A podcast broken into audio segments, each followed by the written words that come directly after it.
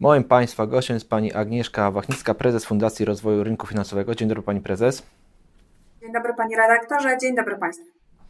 Tematem przewodnim naszej rozmowy będzie branża pożyczkowa. Pani Prezes, jakby Pani dzisiaj określiła kondycję tej branży?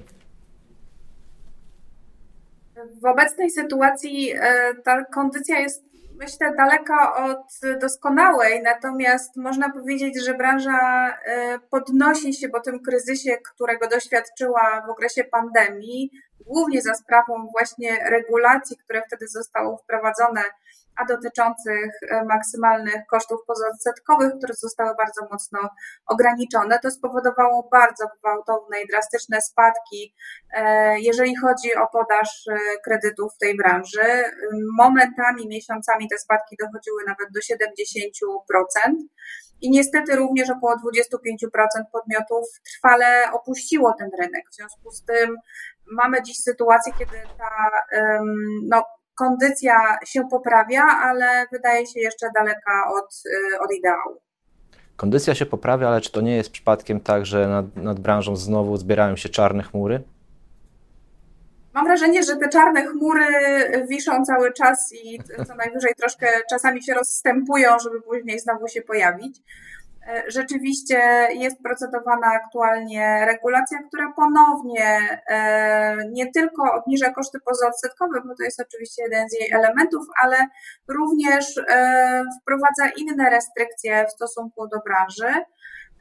Poza tym, że ma w sobie pewne dobre elementy, takie jak na przykład nadzór KNF-u, który jako branża postulujemy już od 2015 roku to jednak zawiera w sobie przepisy, które są, e, no nie tylko mają na celu generalnie ograniczenie tej działalności, że też będą miały taki skutek w postaci ograniczenia tej działalności, ale przede wszystkim podwyższenia jej kosztów przy jednoczesnym cięciu przychodów. Mam tu na myśli przepisy, które dotyczą obowiązków w zakresie oceny zdolności kredytowej, czy chociażby przepis niespotykany w żadnej innej branży, zakazujący finansowania działalności kredytowej z emisji obligacji. No właśnie, bo Wy jako branża przygotowaliście listę potencjalnych zagrożeń związanych z tą ustawą, natomiast mam wrażenie, że chyba nie do końca te Wasze postulaty się przebijają do decydentów. Jakie jest Waszym zdaniem największe zagrożenie właśnie ustawy antylichwiarskiej w obecnym kształcie? Największym zagrożeniem jest e, bardzo duże skurczenie oferty na tym rynku i niestety skutek odwrotny od zamierzonego, czyli e, wykluczenie finansowe Polaków i przejście do takiej prawdziwej sfery lichwy, z którą rząd teoretycznie próbuje walczyć. E, bo jeżeli nie będzie regulowanego rynku, to pytanie, co będzie? Rynek nie znosi próżni, pokazują to przykłady innych krajów, na przykład przykład Danii, przykład Danii, który e, pokazuje, że w, po wprowadzeniu bardzo restrykcyjnych e, regulacji e, rozmnożyły się tak zwane pożyczki na Facebooku, oferty prywatne, do tego stopnia, że zajął się nimi nadzór finansowy, który postanowił to zjawisko zwalczać. Przy czym, no niestety, zwalczanie szarej strefy jest bardzo trudne, o czym doskonale wiemy, więc pytanie, czy nie lepiej jednak mieć rynek, który jest kontrolowany, nadzorowany i legalny. Dobrze, a też ktoś może powiedzieć, że generalnie jest taki pogląd, że wrzucamy firmy pożyczkowe do jednego worka i je nazywamy lichwą. To jest uprawnione porównanie? Oczywiście, że nie jest uprawnione, chociaż bardzo często się z nim spotykamy, czy to w mediach, czy również ze strony e, przedstawicieli e, obozu rządzącego, e, polityków, no nie tylko obozu rządzącego, również polityków opozycji. Natomiast on nie jest uprawniony o tyle, że lichwa jest przestępstwem zdefiniowanym w przepisach prawa i za lichwę uznaje się, to zresztą zostało również doprecyzowane e, w przepisach zaproponowanych przez Ministerstwo Sprawiedliwości, uznaje się pobieranie opłat, które dwukrotnie przewyższa te dopuszczalne prawem, w związku z czym dopóki poruszamy się w ramach przepisów prawa, no nie możemy mówić, że popełniane jest przestępstwo. W związku z tym takie generalizowanie i rozciąganie tych przypadków patologii, które oczywiście się zdarzają, na legalnie funkcjonujący rynek jest po prostu nieuprawnione, jest pewnym, pewnym rodzajem manipulacji, który pozwala jednak e, forsować pewne rozwiązania, e, które rzekomo mają być korzystne dla konsumentów. Mhm.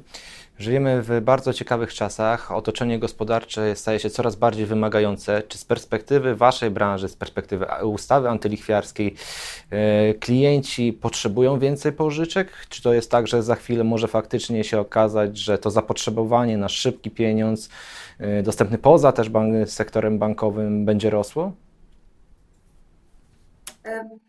Wydaje się, że ta obecna sytuacja e, sprzyja jednak popytowi na finansowanie i to pokazują również badania konsumenckie. My opublikowaliśmy wspólnie z Federacją Konsumentów i firmą CRIF taki raport, z którego wynika, że rzeczywiście Polacy postrzegają swoją sytuację finansową jako trudną i przewidują, że ona będzie jeszcze trudniejsza w najbliższych miesiącach, a w związku z tym może nastąpić zwiększenie popytu na na finansowanie. I mamy teraz taką sytuację. Banki twierdzą, że no będą troszkę przykręcały jednak kurek z tym finansowaniem konsumenckim, bo to są, bo to są kredyty, które zawsze związane są z najwyższym ryzykiem, jako że nie są one zabezpieczone na ogół.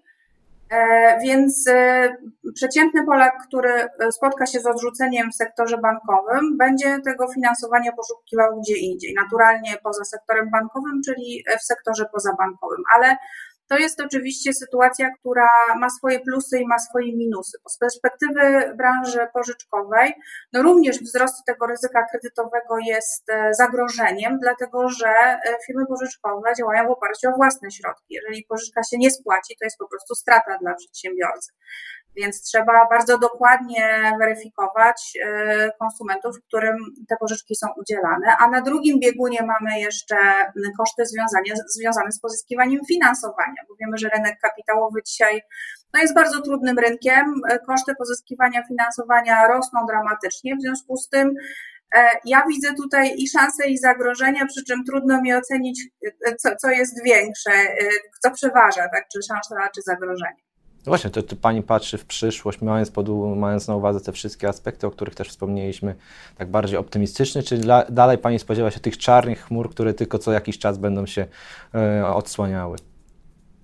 Myślę, że wiele zależy od tego, czy ustawa, nad którą debatujemy tak mniej więcej od 6 lat, e, zostanie wreszcie e, uchwalona. Jeżeli tak się stanie, to oczywiście możemy się spodziewać, że w pewnym sensie ta sytuacja się w jakiś sposób unormuje, natomiast jeżeli nie, to pewnie znowu ta, ta karuzela będzie się w jakiś sposób kręcić. Sytuacja w branży pożyczkowej będzie zmuszała firmy do konsolidacji, będziemy świadkami upadłości? E, jeżeli ustawa wejdzie w tej formie, która została zaproponowana przez rząd, to my prognozujemy, że jednak wiele firm sobie z tymi obciążeniami nie poradzi, dlatego że gwałtowny wzrost kosztów przy jednoczesnym ograniczeniu przychodów powoduje po prostu, że taka działalność staje się nierentowna a jak wiadomo, instytucje pożyczkowe są przedsiębiorcami, którzy prowadzą tę działalność, prowadzą działalność gospodarczą w celu uzyskiwania mm, jednak dodatnich wyników finansowych. W związku z tym nierentowna działalność powoduje, że, że się tej działalności po prostu nie prowadzi i wiele firm, e, no tak przypuszczam, e, będzie zmuszonych z tego rynku wyjść. Czy to będą konsolidacje? Raczej obawiam się, że to będzie likwidacja części podmiotów. Pani prezes, to już pytanie na sam koniec. Pani wierzy, że ta ustawa nie wejdzie w obecnym kształcie? Ma Pani jakiś sygnał, jakąś taki, pojawiają się takie optymistyczne sygnały właśnie dotyczące tego, że być może nie będzie tak źle, jak mogłoby się wydawać? Trudno mi się y, do tego tak naprawdę odnosić. My jednak, e, patrząc na cały proces legislacyjny, e, spodziewamy się, że ustawa wejdzie w życie. Pytanie, czy oczywiście będzie to w kształcie zaproponowanym przez rząd, czy w kształcie, który opuścił Senat, czyli w kształcie z poprawkami Senatu, które jednak w pewnych e, obszarach są kluczowe. I tutaj stawiamy kropkę. Agnieszka Wachnicka, prezes Fundacji Rozwoju Rynku Finansowego, była moim Państwa gościem. Pani prezes, bardzo dziękuję za poświęcony czas. Dziękuję Panie redaktorze, dziękuję Państwu.